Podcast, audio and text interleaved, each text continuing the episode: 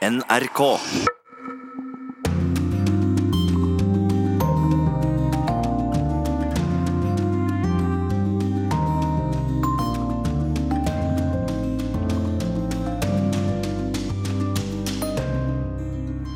Urix på lørdag har møtt mannen som har klart å kjøpe fri 40 jenter og kvinner fra fangenskap hos IS.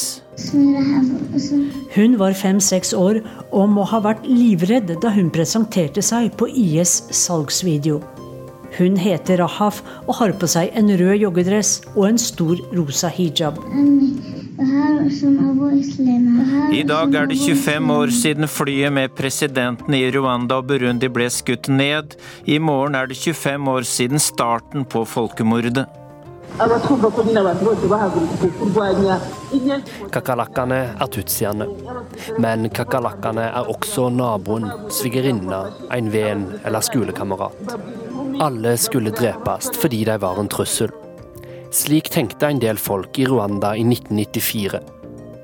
Vi får besøk av Benedicte Giæver, som tok stor risiko ved å skjule tutsier da folkemordet startet. Kan Joe Biden bli president i USA etter å ha brutt intimgrensene til en rekke kvinner? Men er det greit at visepresidenten i USA gnir nesen sin mot nesen til en kvinnelig politikerkollega? Og er det ok at han legger hendene på skuldrene til en kvinne og snuser på håret hennes? Brasils nye president Jair Bolsonaros popularitet stuper, selv før han har sittet 100 dager ved makten. Vel møtt til Urix på lørdag, jeg heter Dag Bredvei. Selv om IS er slått militært, finnes de fortsatt i tunneler og andre steder i Baghouz-området i Syria. Det sier en menneskehandler som selger jesidislaver på vegne av IS. NRKs korrespondent Sissel Wold var nylig vitne til forhandlinger mellom jesidien Ali Hussein og IS. Hussein har klart å kjøpe 40 jesidi-kvinner fri fra fangenskap hos IS.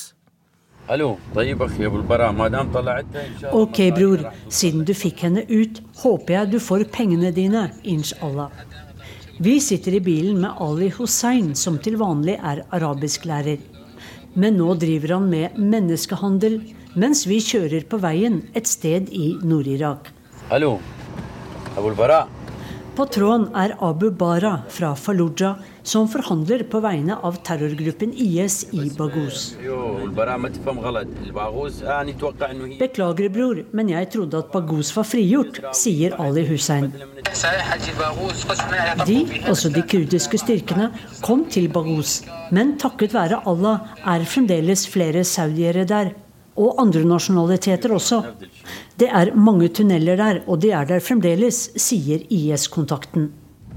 Abu Bara tilhørte IS, men han gikk nylig over til islamistgruppen Ahrar al-Sharkiye, ifølge Ali.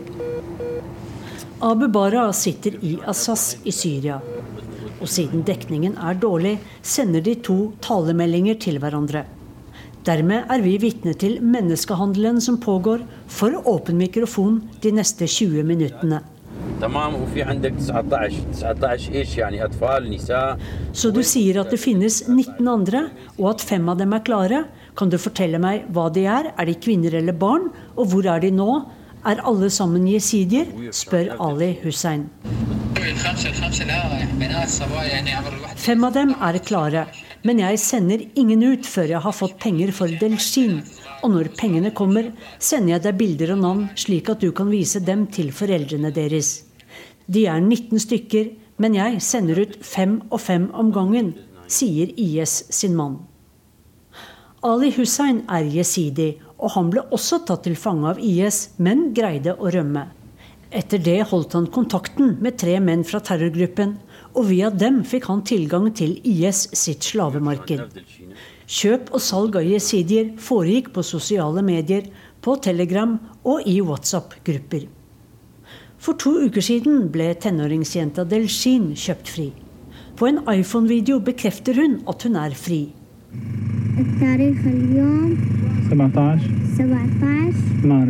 I dag er det 17. mars, og jeg er med Abdullahs venn, sier hun som salgsbevis.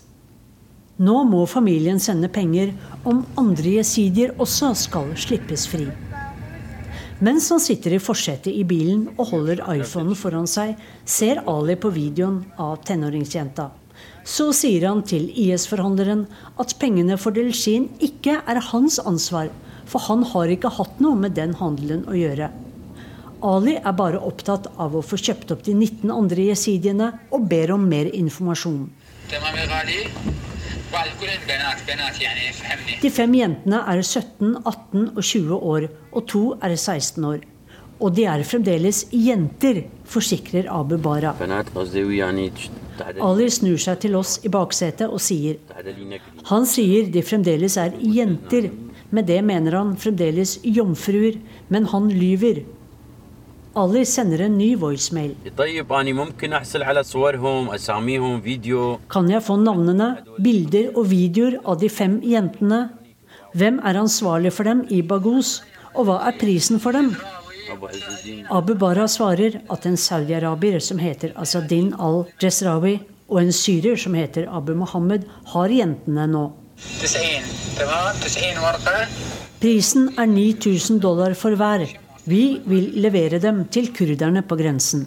Om jeg ikke måtte, så ville jeg ikke snakket med denne fyren, og i alle fall ikke kalt ham bror, sier alle til oss.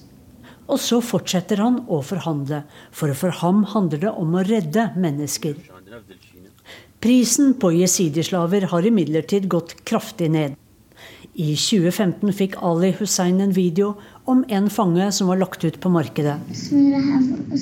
Hun var fem-seks år og må ha vært livredd da hun presenterte seg på IS salgsvideo. Hun heter Rahaf og har på seg en rød joggedress og en stor rosa hijab.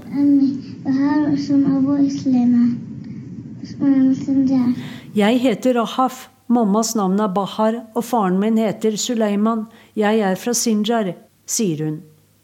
Sammen med videoen fikk Ali følgende tilbud fra en egypter som sa han tilhørte al-Nusra-fronten, som er forbundet med terrornettverket Al Qaida. Fra begynnelsen sa vi at prisen var 45 000 dollar. Og jeg fortalte deg at det finnes folk i Tyrkia som kjøper jenter for å ta organer fra dem. De betaler opp mot 70 000 dollar for å selge kroppsdelene. Men jeg har ikke lyst til å sende henne til dem. Jeg har ikke lyst at de skal drepe henne. Skjønner du? Det sier stemmen som ifølge Ali tilhører Abu Hader fra Jabhat al-Nusra. Summen på nesten 400 000 kroner var for høy, og handelen ble ikke noe av. Lille Rahaf forsvant fra markedet. Men to år senere dukket hun opp igjen til en rimeligere pris. Da kostet hun 18 000 dollar, altså 150 000 kroner.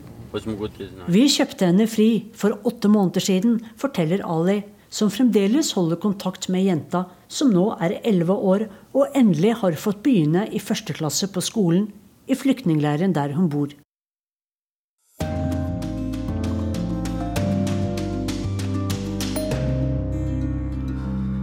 I morgen er det 25 år siden starten på det som ble et folkemord i Rwanda. I løpet av 100 dager ble om lag 800 000 tutsier og moderate hutu drept. Vi har fått besøk nå av Benedicte Giæver, som søkte tilflukt da folkemordet startet, og hun klarte å skjule naboer som var tutsier, og som da levde i livsfare. Og før vi snakker mer med deg, Benedicte Giæver, skal reporter Vegard Kjørom gi oss dette tilbakeblikket.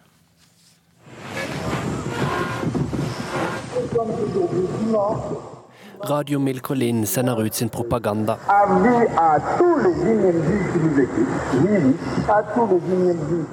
Kakerlakkene må drepes.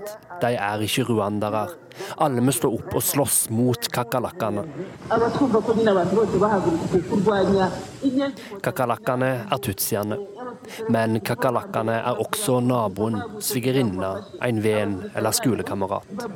Alle skulle drepes fordi de var en trussel. Slik tenkte en del folk i Rwanda i 1994.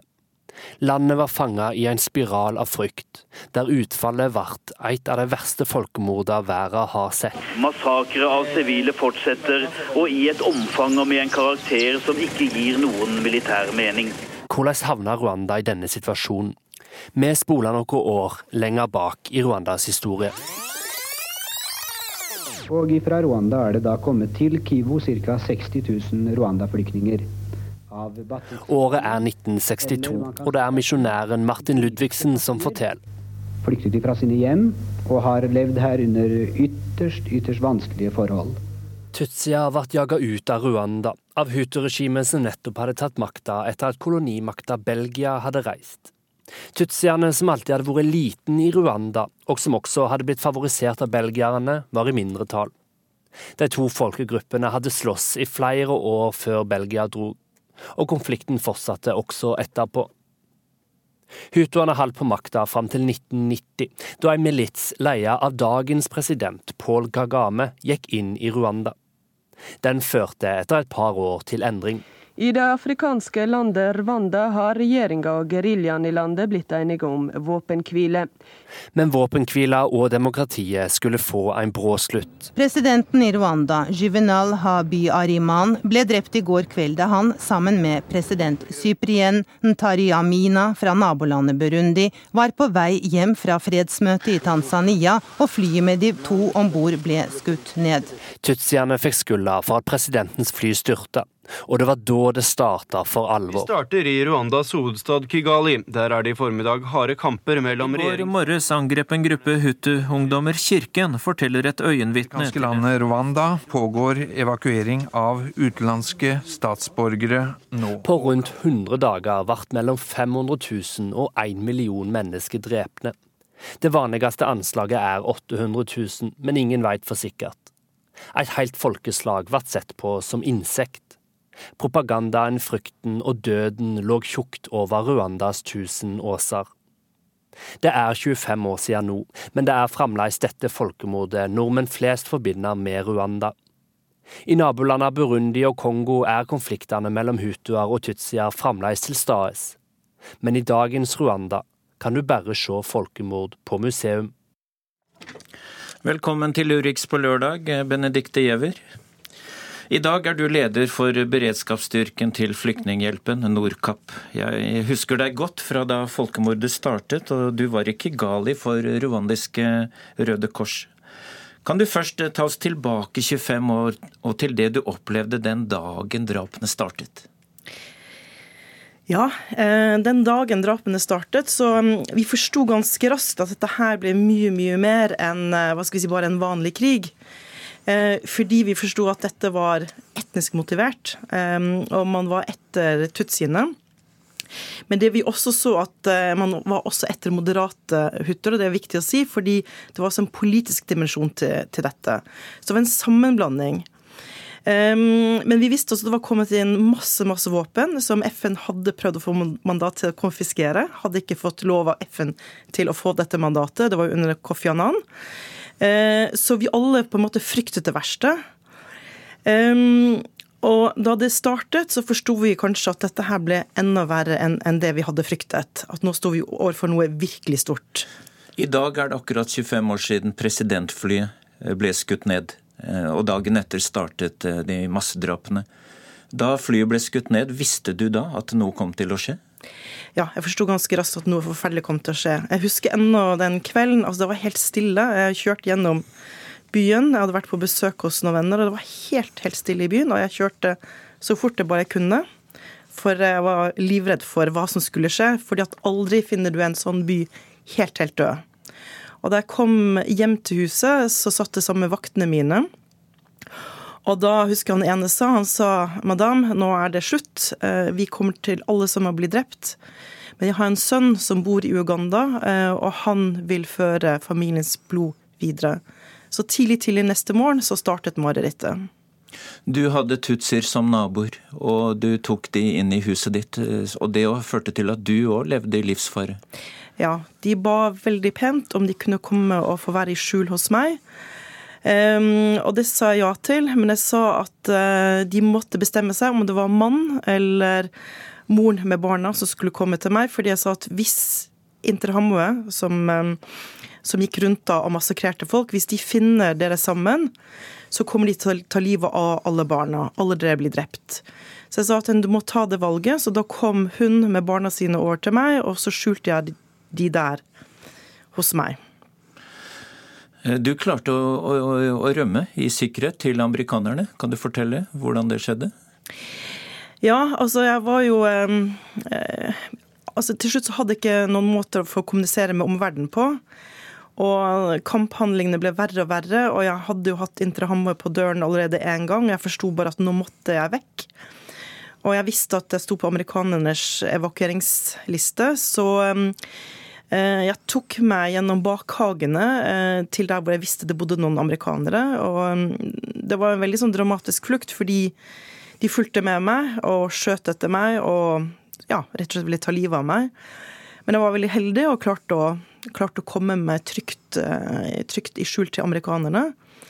Og så ble jeg der da til vi fikk beskjed om at en større evakuering skulle skje. Og, men da fikk jeg beskjed om å dra tilbake og hente bilen min, for jeg jobbet jo for Røde Kors og hadde en Røde Kors-bil. Og de ønsket at jeg skulle være en av de første som kjørte ut fra Kigali mot Burundi. Og det klarte du, å få henta Røde Kors-bilen? Det klarte jeg. Um, men det var ganske dramatisk òg da, fordi selvfølgelig det som skjer da, er jo at uh, min nabo ber og trygler om at jeg skal ta med henne og barna, og i hvert fall barna. Og da måtte jeg ta en forferdelig vanskelig avgjørelse, Vi må forklare til henne at hvis jeg tar de med, så blir de drept. Vi hadde jo hørt historier og så hvordan folk ble massakrert rundt oss. Um, og jeg visste på en måte at uh, de kom til å dø hvis de satt i min bil. Senere du ble evakuert og du kom tilbake for FN. Vet du hvordan det gikk med de som holdt seg i dekning hos deg? Ja, eh, jeg fant de til slutt. Eh, vakten min eh, og alle naboene var blitt drept, men faktisk konsulatet og hennes barn de hadde overlevd på en mirakuløs måte. Så når jeg flykter ut av huset, så hører jeg at det skytes bak meg.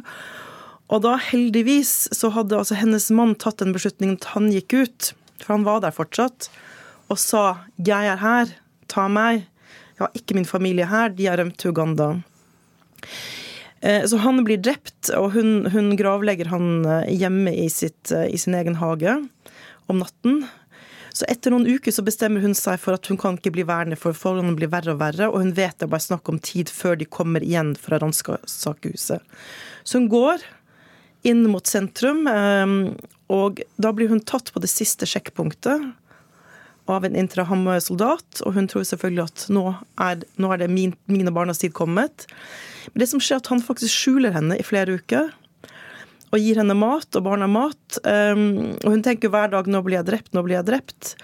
Og så kommer jo um, frigjøringen, og da sier han 'nå blir det storkrig'. Uh, og da kjørte henne til Hotell Kigali, som sikkert mange kjenner fra filmen Hotell Kigali. Og det er sånn hun og barna også overlever. Du ble intervjuet av Dagsnytt allerede 8. april, en dag etter at eh, drapene startet.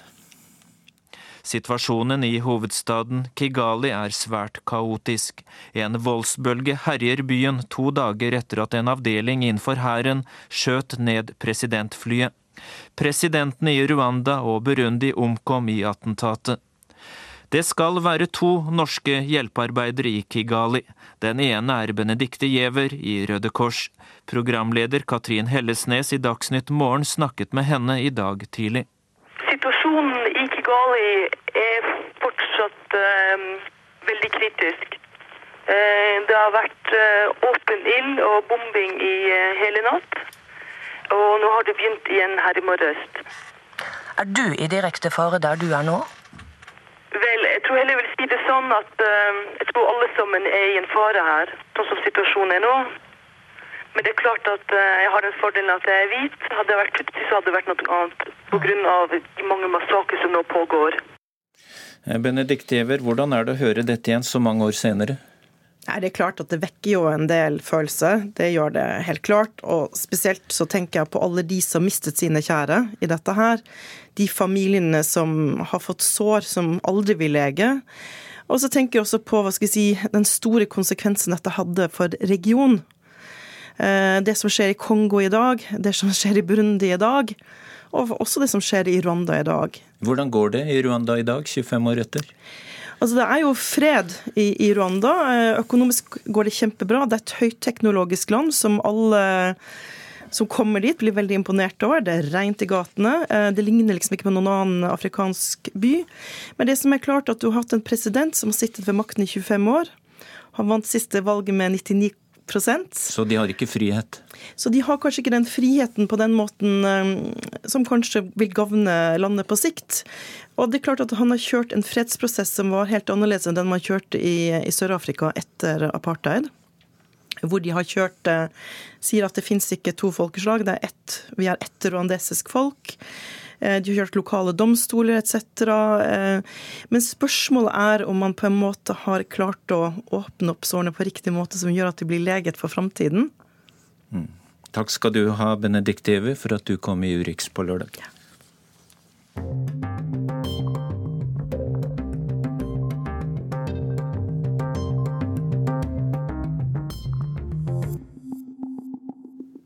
USA nå. Hva slags fysisk kontakt kan en mannlig politiker ha med en kvinne før det blir et problem for ham?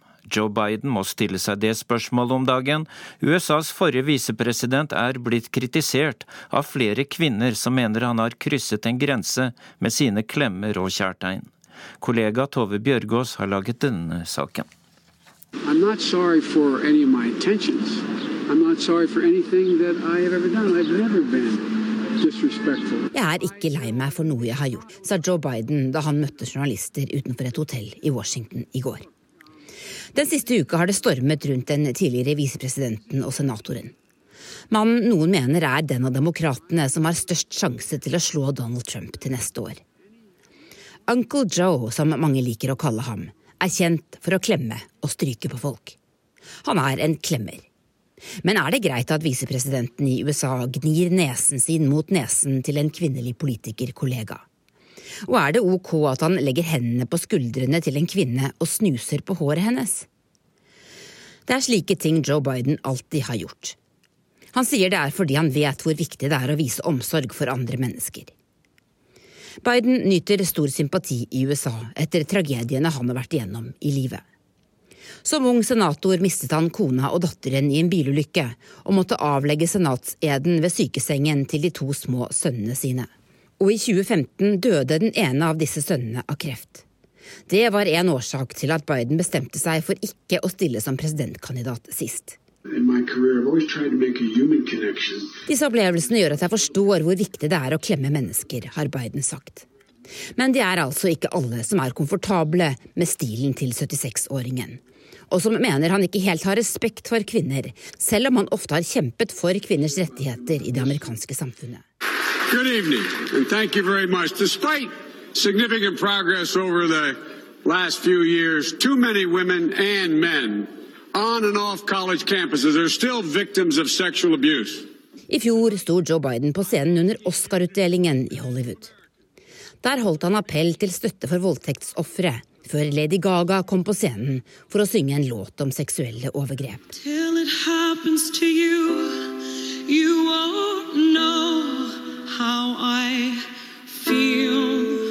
Rundt Lady Gaga, som også selv er et voldtektsoffer, sto kvinner og menn som deler en slik historie. En av dem het Sophie Karasek.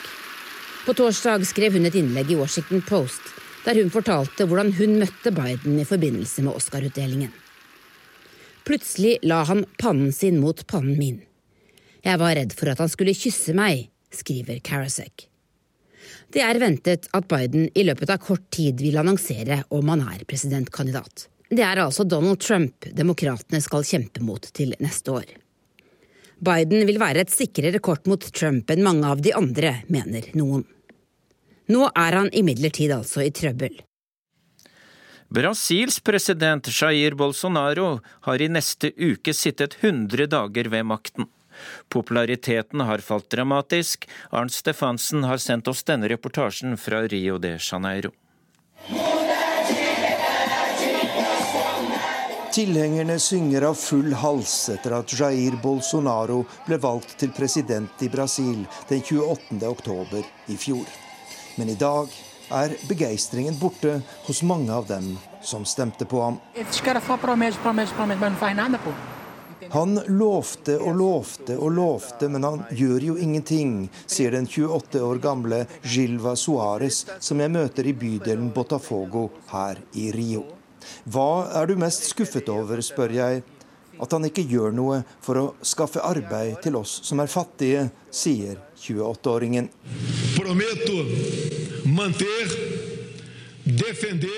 Noen dager etter at Bolsonaro var tatt i ed som Brasils president, viste meningsmålingene en oppslutning på nærmere 65% men nylig viste en måling fra det kjente instituttet i Bopi at bare 34% mener regjeringen gjør en god eller meget god jobb. Hva har skjedd? Det um governo que não governa porque o presidente continua em campanha. Vi har en regjering uten styring, sier kommentatoren Marco Aurelio Nogueira. Presidenten opptrer som om han fortsatt driver valgkamp. Hans sønner har en innflytelse som ikke står i noe forhold til deres stilling eller kompetanse. Og flere departementer fungerer ikke, bl.a. fordi ministrene er uegnet for jobben, sier kommentatoren. Demonstranter i Sao Paulo roper slagord mot presidenten på årsdagen for kuppet i Brasil i 1964. Bolsonaro støtter militærregimet og dets bruk av tortur, og han har bestemt at dagen skal feires. Men ideen vekker sterk motstand. Presidenten ville ha en dag for feiring, men det er ingenting å feire, sier Flora Suárez. Dette er en dag da vi skal minnes grusomhetene som den brasilianske staten var ansvarlig for, sier hun. Dette er en av mange saker der Jair Bolsonaro har fått hard kritikk og dårlig medieomtale. Det er tid for å åpne ukas korrespondentbrev. Det er postlagt av Guri Nordstrøm i Berlin, og handler om stivbente tyske regler. Med et perfekt oppsatt, stripete champagneblondt hår, silkeglatt hud, smal nese, fyldige lepper og store mørkeblå øyne ser den tyske 15-åringen med et fast blikk rett i kamera. Hun ser ut som en modell, som en missedeltaker, som en Hollywood-stjerne. Problemet er bare, det er jo ikke slik hun egentlig ser ut. I likhet med veldig mange andre som legger ut bilder på sosiale medier, har også hun kjørt portrettbildet sitt gjennom en rekke skjønnhetsfiltre før hun har publisert det på Instagram-kontoen sin. Hårfarge, øyeform, hud, lepper og nesefasong er endret, slik det så ofte gjøres nå i selfiens tidsalder. At verden vil bedras, særlig på sosiale medier, er ikke noe nytt. Men hva skjer når denne sminkede og polerte liksom-verdenen møter den brutale virkeligheten? Nå er nemlig 15-åringen fra Berlin forsvunnet i det som ser ut til å være en tragisk kriminalsak, og det er Instagram-bildet av henne som har prentet seg inn i folks bevissthet. Det er nemlig dette bildet politiet bruker i søket, og som de har gitt til mediene.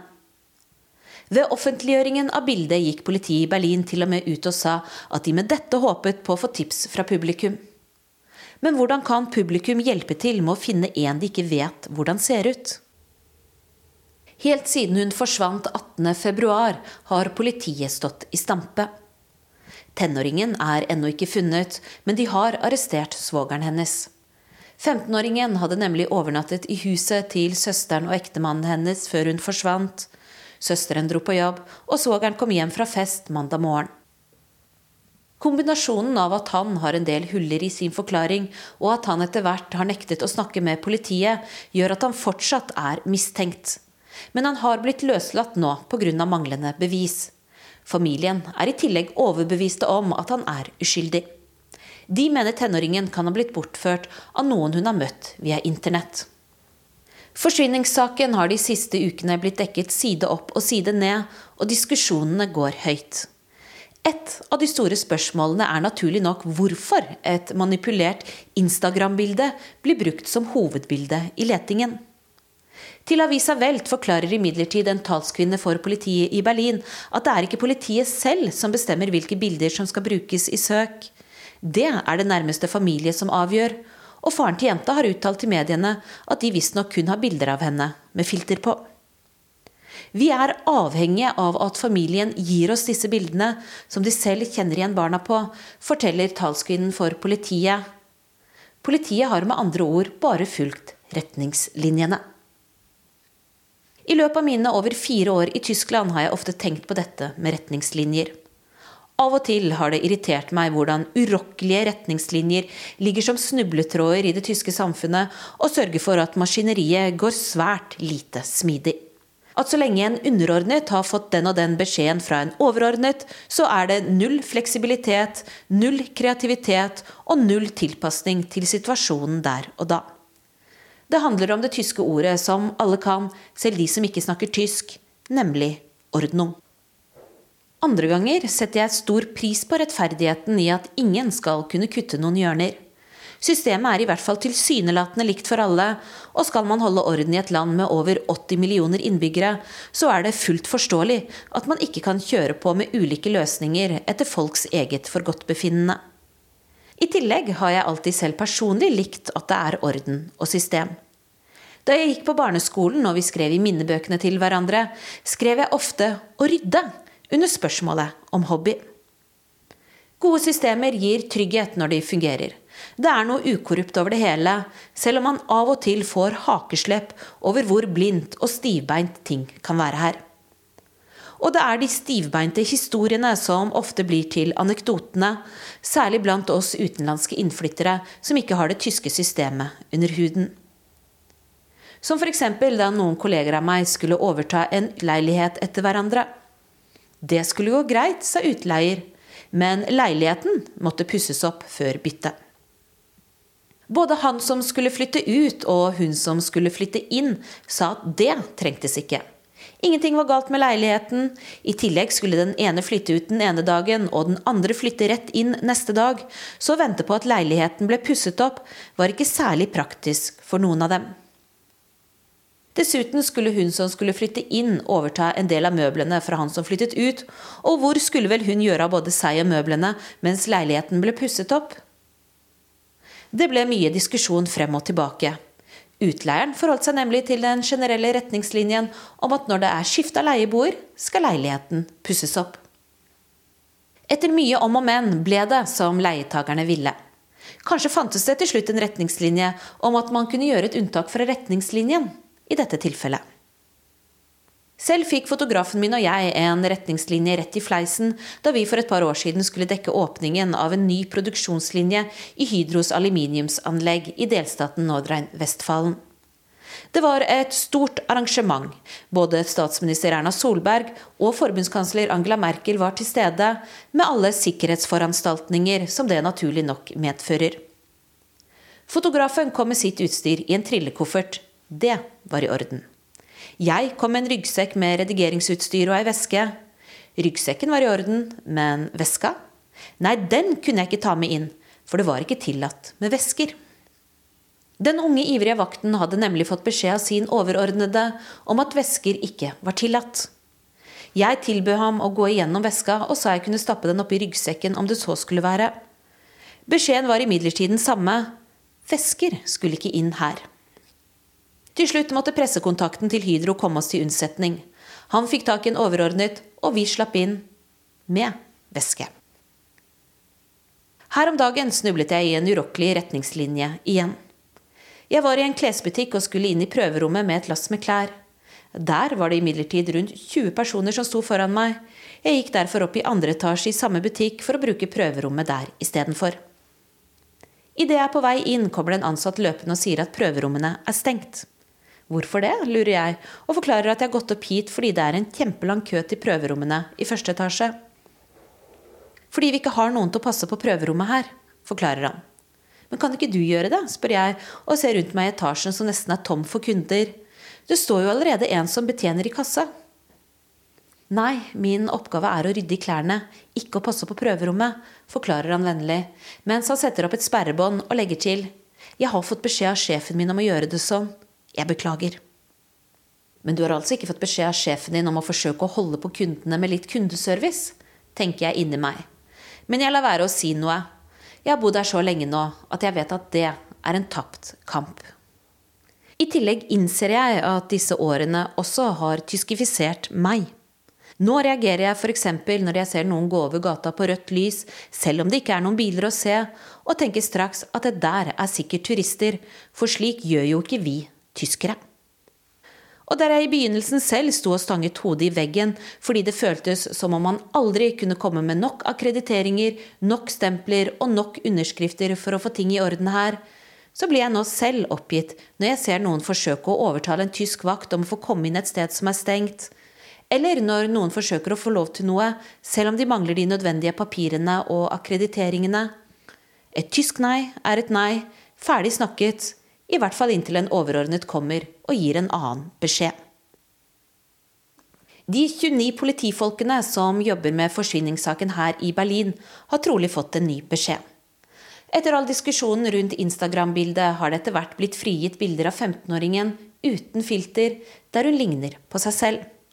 Og selv om det som nok har festet seg i folks bevissthet er det manipulerte bildet av en Lolita-lignende skikkelse, så er det i hvert fall ingen som kan ta fra politiet at de ikke fulgte retningslinjene, da de i første fase lot det passere at det var familien som skulle plukke ut og bestemme hovedbildet i letingen. Sa Guri Nordstrøm i Berlin. Nå er det tid for ukens podkast fra utenriksredaksjonen Krig og fred. Virvar omkring brexit er tema i møte med én skotte, én brite, én waliser og én fra Nord-Irland. Det er vitsetid i krig og fred. Har du hørt den om norsken og svensken og dansken? Ja. Men har du hørt den om engelskmannen, skotten, waliseren og nordiren som skulle melde seg ut av EU? Tja. Brexit begynner vel på mange måter å ligne en, en vits, det også. Det er aldri langt fra god komedie til eh, real tragedie, iallfall. Nei, så det er kanskje på tide med litt eh, familieterapi for hele den britiske storfamilien. Order! Order! Krig og fred med Tove Bjørgaas og Tore Moland.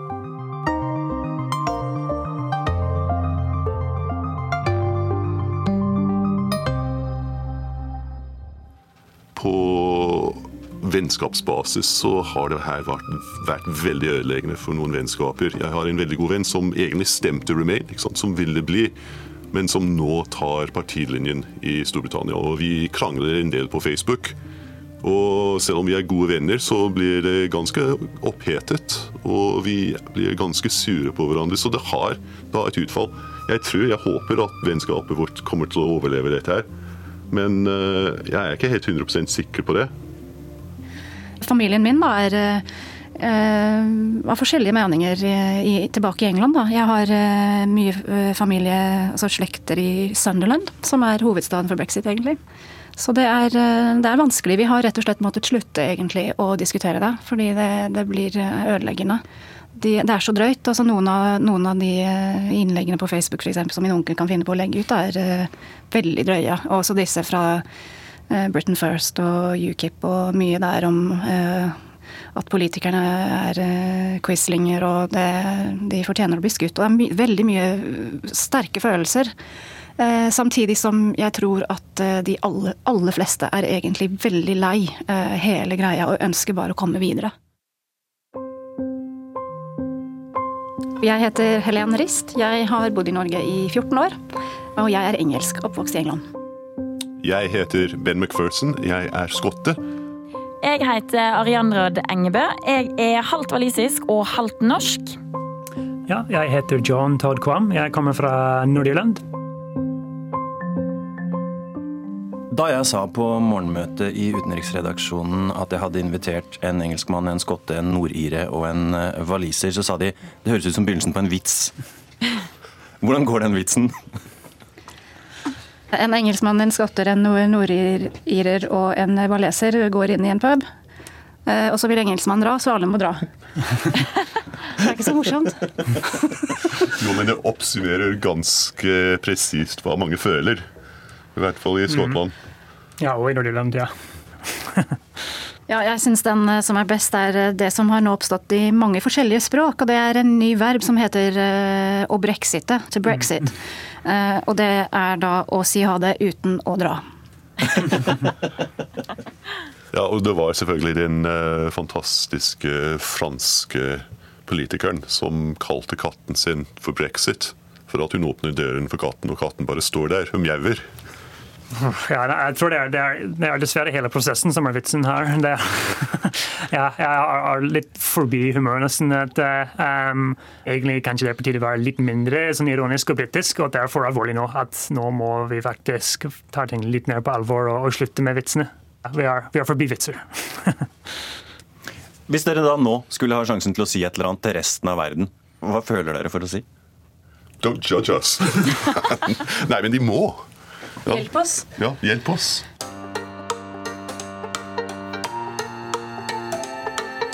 The Article 50 process is now underway, and in accordance with the wishes of the British people, the United Kingdom is leaving the European Union.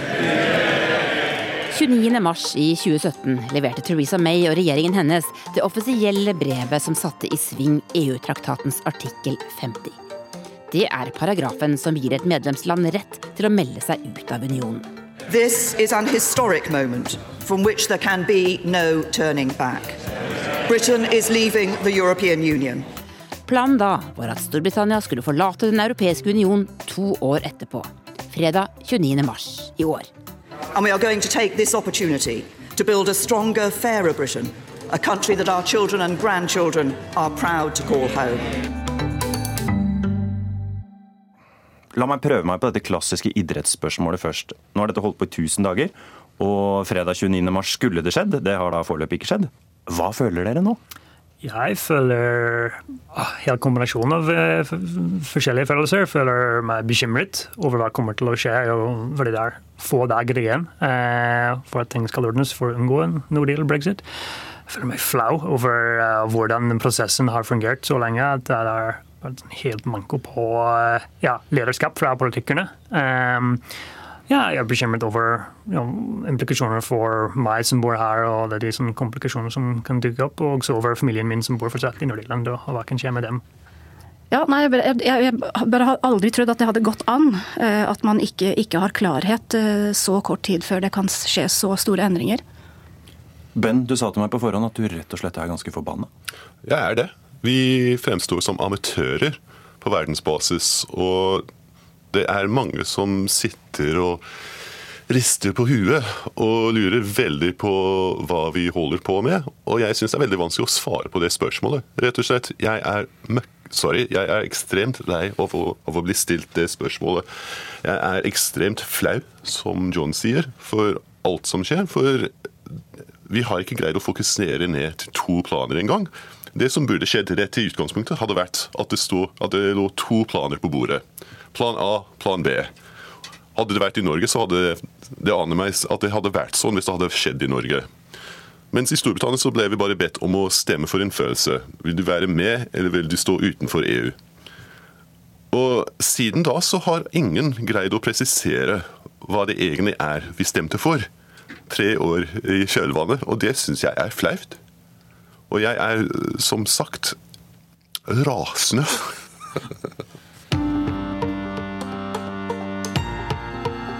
Brexit means Brexit, and we're going to make a success of it.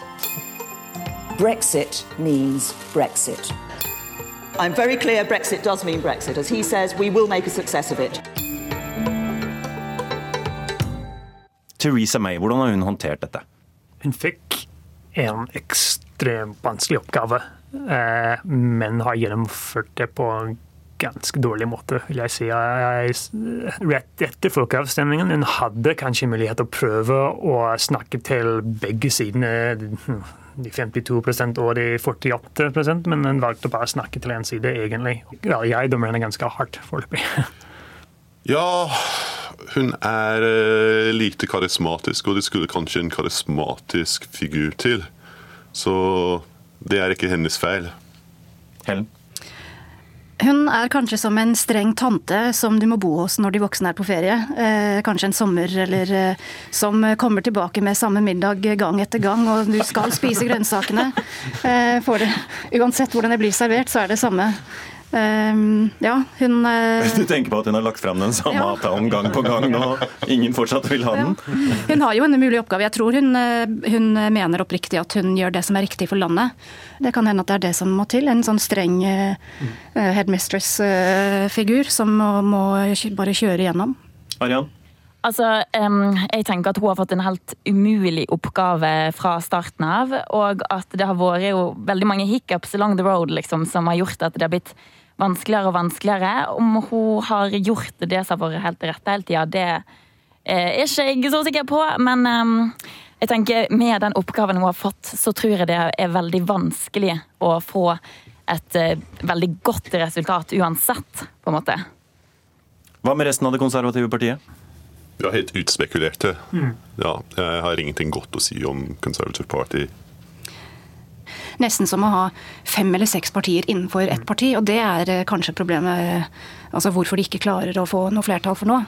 Hva med den andre siden av eh, parlamentet? Benkene på den andre siden, der Labour sitter? Like dårlige. Stort sett. Corbyn er også pro brexit, men har aldri greid å være ærlig om sin egen posisjon. Og det gjør det veldig vanskelig for partiet da å ta én linje. Eh, Corbyn har vært veldig fokusert på makt på landsbasis og prøver å, å, å finne en måte eh, å snakke så lite som mulig om brexit og være så lite klar som mulig for å prøve å sånn, ri to hester samtidig med tanke på å prøve å vinne det neste landsvalget. Så det er det han sikter på mest, og brexit er for han en sånn irritasjon, nesten. Ja.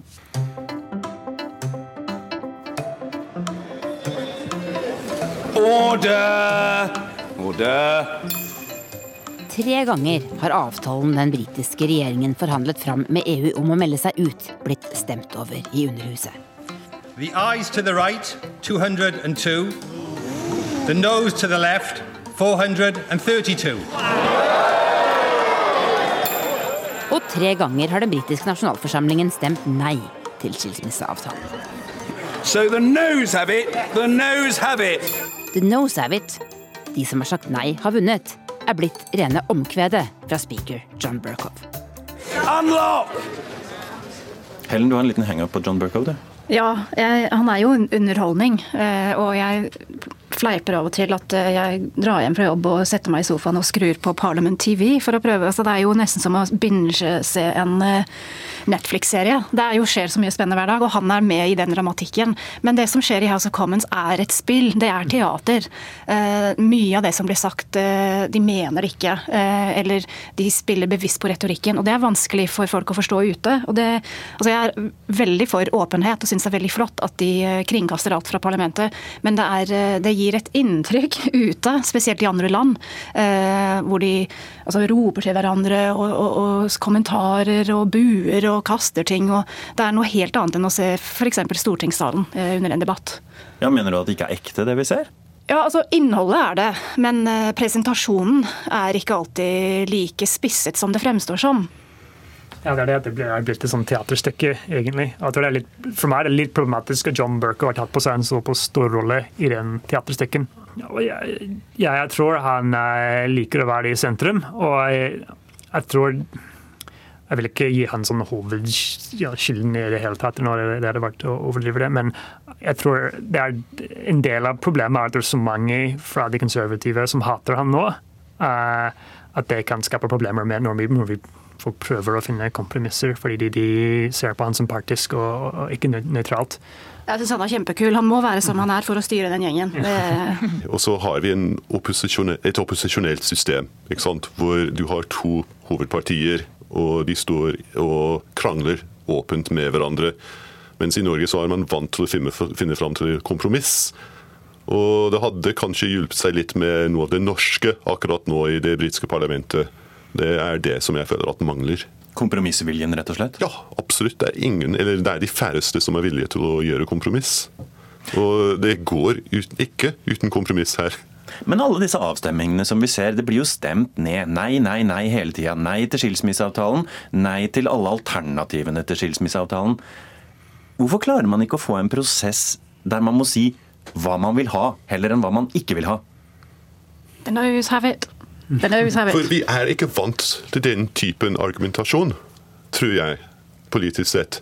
Dere er veldig vant til det. ikke sant? Og Sitter du på et møte i Norge, så er det høyst ukomfortabelt hvis ikke folk kommer til enighet. Og ingen vil forlate rommet inntil hele rommet er enige. Vi gjør det ikke sånn i det hele tatt. Vi liker tvert imot å ta stilling og holde på den stillingen. Og det er veldig skadende, rett og slett, når du er i en sånn prosess. Det var på sankthansaften i 2016 at britene skulle avgjøre sin framtid i Europa med en folkeavstemning. 48,1% ville bli værende i EU. 51,9 ville forlate unionen. This means that the UK has voted to leave the European Union. Men landet var delt. Skikkelig delt. De yngre ville bli i EU, mens de eldre ville ut. England og Wales ville ut av EU. Skottland og Nord-Irland ville bli. Det som frustrerer meg mest i denne situasjonen, her er jo bare det at vi ikke veit utfallet enda, og at det har vært sånn lenge. Um, men um, Du vil bare ha et svar, du? Ja. Men så, sånn, så, når jeg prater med mamma om dette, her, for eksempel, så har jo hun Hun er ikke stressa i det hele tatt. Hun uh, har så vidt vært innom sidene til UD, liksom. Hun tar dette her med knusende ro. Bare regne med at det kommer til å ordne seg? Ja, rett og slett. Så um, det er veldig ja, interessant at det er så mange um, at Sånn som så Helen og sånn som Ben, at dere på en måte tenker på det på en veldig annen måte enn hva hun gjør. i alle fall. Ja, Ben, du skriver altså romaner, eh, psykologiske thrillere, og da må jeg jo spørre deg, hvor slutter denne historien? Du, jeg skriver ikke farser. Nei, men uh, hvordan det her kommer til å utspille seg, er ikke godt å si, syns jeg. Uh, hvis jeg skulle kommet med et sånt komplott, så tror jeg ikke jeg hadde syntes det var trolig nok. Så jeg hadde skrevet om det hele. Jeg tror at sjansen fortsatt er veldig stor for at vi rykker ut uten avtale. Det er min største frykt. Det er et problem her hvor veldig mange i Storbritannia uh, sliter litt med forskjellige problemer, og det er ting som de er misfornøyd med. Og så har brexit blitt presentert som løsningen. At hvis vi bare melder oss ut av EU, så kommer alt til å bli så mye bedre. Så jeg tror at mye av problemet er egentlig at man håper, eller, har, eller, drømmer egentlig, om at eh, brexit kommer til å løse veldig mye annet som eh, bør egentlig fikses i samfunnet. Som ulikhet og Eh, utdanning og, og, og jobbmuligheter. Det, det, det, er veldig, veldig mye som blir eh, pakket inn med brexit-sløyfe på, som ikke egentlig har noe med EU-medlemskap å gjøre. Min frustrasjon er mye mer rettet mot de som stemte på nasjonalfølelse, eller på de som prøvde å utnytte dem som har det kjipt og som sliter, og som da var mottakelige for de budskapene. Eh, og det er der store deler av min frustrasjon ligger. La meg gripe litt fatt i dette med nasjonalfølelse, som dere er inne på på litt forskjellig vis. Hva er Storbritannia egentlig? Jeg vet ikke lenger. Jeg trodde jeg visste. Jeg trodde vi var i et flerkulturelt samfunn hvor man kunne føle en tilhørighet til Storbritannia eller til Skottland eller til Wales. Men jeg følte at nasjonaltilhørigheten handlet om å akseptere store forskjell på folk. Og nå virker det som om det er blitt mye smalere i den forstand. Ja, jeg tror mange tenkte at det var mulig å ha flere identiteter. Man kunne føle seg nordirsk, irsk, eh, skotsk, britisk, europeisk. At man kunne ha forskjellige identiteter, men at det har vært en sånn motreaksjon til sånn globalisme, hvis man vil, eh, som man ser i andre land. Og, eh, og, at det har vært som du ser, en sånn begrensning av identitet ned til noe kanskje mindre og, og mindre aksepterende. Um, og at det er politikere som har brukt det for å oppnå sine ambisjoner. Ja, og Vi ser det i mange land i Europa for tiden, og det, det er skummelt. Altså, Storbritannia er et eh, land med en fantastisk eh, kreativitet. Eh, det er ikke noe tvil om. Og en historie som litt bagasje, som vi bærer med oss. Både på forretningssiden og kultur og innovasjon. Teknologi, utdanning. Det er så mange områder hvor Storbritannia har vært og fortsatt er verdensledende. Det kan være lett å miste litt syn på det, hvis ikke troen på det, når brexit blir så altdominerende. Så jeg mener at vi må komme gjennom det med minst mulig skade, jeg vet ikke hva løsningen er der, eh, for å kunne vise fram alle de gode sidene igjen. Fordi de er der. Og vi må ikke la dem bli gravd ned og, og skjult. Men du er fortsatt stolt av å være britisk, Helen? Jeg er det. Og du høres ut som du kanskje skammer deg litt over å være, være britisk, Ben? Jeg skammer meg over de tre siste åra, kan du si. Jeg er uh, stolt Hva skal jeg si Stolt skotte, stolt londoner, stolt europeer. Uh, forhåpentligvis stolt norsk statsborger på sikt. Og jeg håper at det skal gå an å ha disse forskjellige identitetene og fortsette å være britisk. Du har hørt podkasten Krig og fred fra NRK Urix.